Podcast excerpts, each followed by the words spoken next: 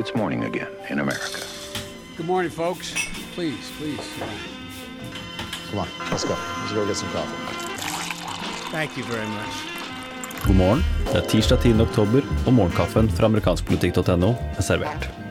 Sent i går kveld skrev Washington Post om at flere Trump-rådgivere er bekymret for hvordan presidenten har håndtert den siste tidens eh, negative presseoppslag og motgang, eh, og de peker da på at konsekvensen av eh, Trumps handlinger den siste tiden, inkludert angrep mot senator Bob Corker, er at hans lovgivende agenda settes på spill. Den hang allerede i en nokså tynn tråd, gitt republikanernes eh, smale flertall i Senatet. Det blir jo da langt vanskeligere når man i tillegg angriper sine egne. Så disse anonyme kildene forteller da Washington Post at Trump har eh, brent eh, så å si det som finnes av broer rundt ham.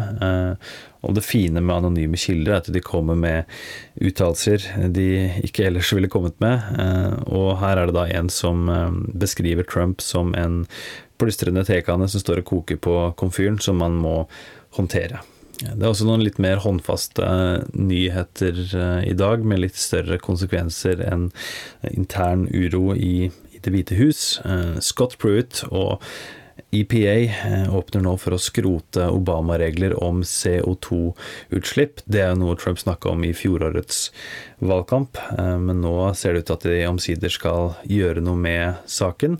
I går gjorde Scott Pruitt eh, det klart at han vil bane vei for å oppheve The Clean Power Plan, CPP, fra Barack Obamas tid som president, eh, og denne innførte da grenser på utslipp av drivhusgasser fra eksisterende kullkraftverk. I et utkast av det nye lovforslaget så argumenterer EPA for at etaten overskred sin egen myndighet under den forrige administrasjonen, eh, og Pruitt talte i går til en forsamling med kullarbeidere i Hazard, Kentucky, sammen med senatets majoritetsleder Mitch McConnell da han kom med nyheten.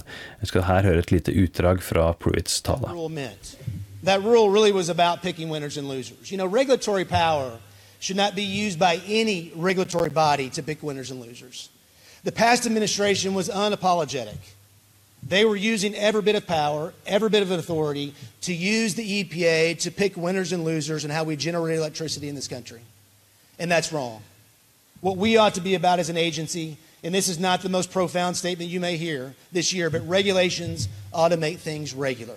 USAs høyesterett har da bestemt at EPA er lovpålagt å regulere utslipp av drivhusgasser, men det 43 sider lange notatet om opphevingen av CPP som jeg her omtaler, inneholder ikke forslag på noen erstatninger, ifølge Washington Post.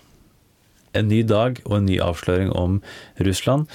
Google bekrefter at de har oppdaget annonsekjøp av russiske etterretningskilder for å påvirke utfallet av det amerikanske presidentvalget i fjor, og Google er dermed også omfattet, sammen med Twitter og Facebook, i Russlands bruk av amerikanske sosiale medier og teknologier for å spre splittende og målrettede budskap i forkant av fjorårets valg. Google har nå blitt innkalt til å vitne i en høring i Senatets etterretningskomité den 1. november, sammen med representanter fra Facebook og Twitter, som hittil har fått mer fokus i utredningen av Russlands innblanding. Adam Schiff fra California, eh, som da sitter i denne komiteen, eh, sier at det ikke burde være overraskende at Google også var innblandet i russernes eh, forsøk på å påvirke fjorårets valgkamp, men at det burde være overraskende at Google brukte såpass lang tid på å finne ut av nettopp det. Dagens utgave av Morgenkaffen er servert av Martin Totland og undertegnede Are Togolflaten. Du finner oss i Spotify og andre podkastapper sammen med Ampolkast. Ampolkast kommer med en ny episode onsdag morgen. Hyggelig om du deler eh, podkastene våre med venner og bekjente som også er interessert i amerikansk politikk. Og så snakkes vi i morgen.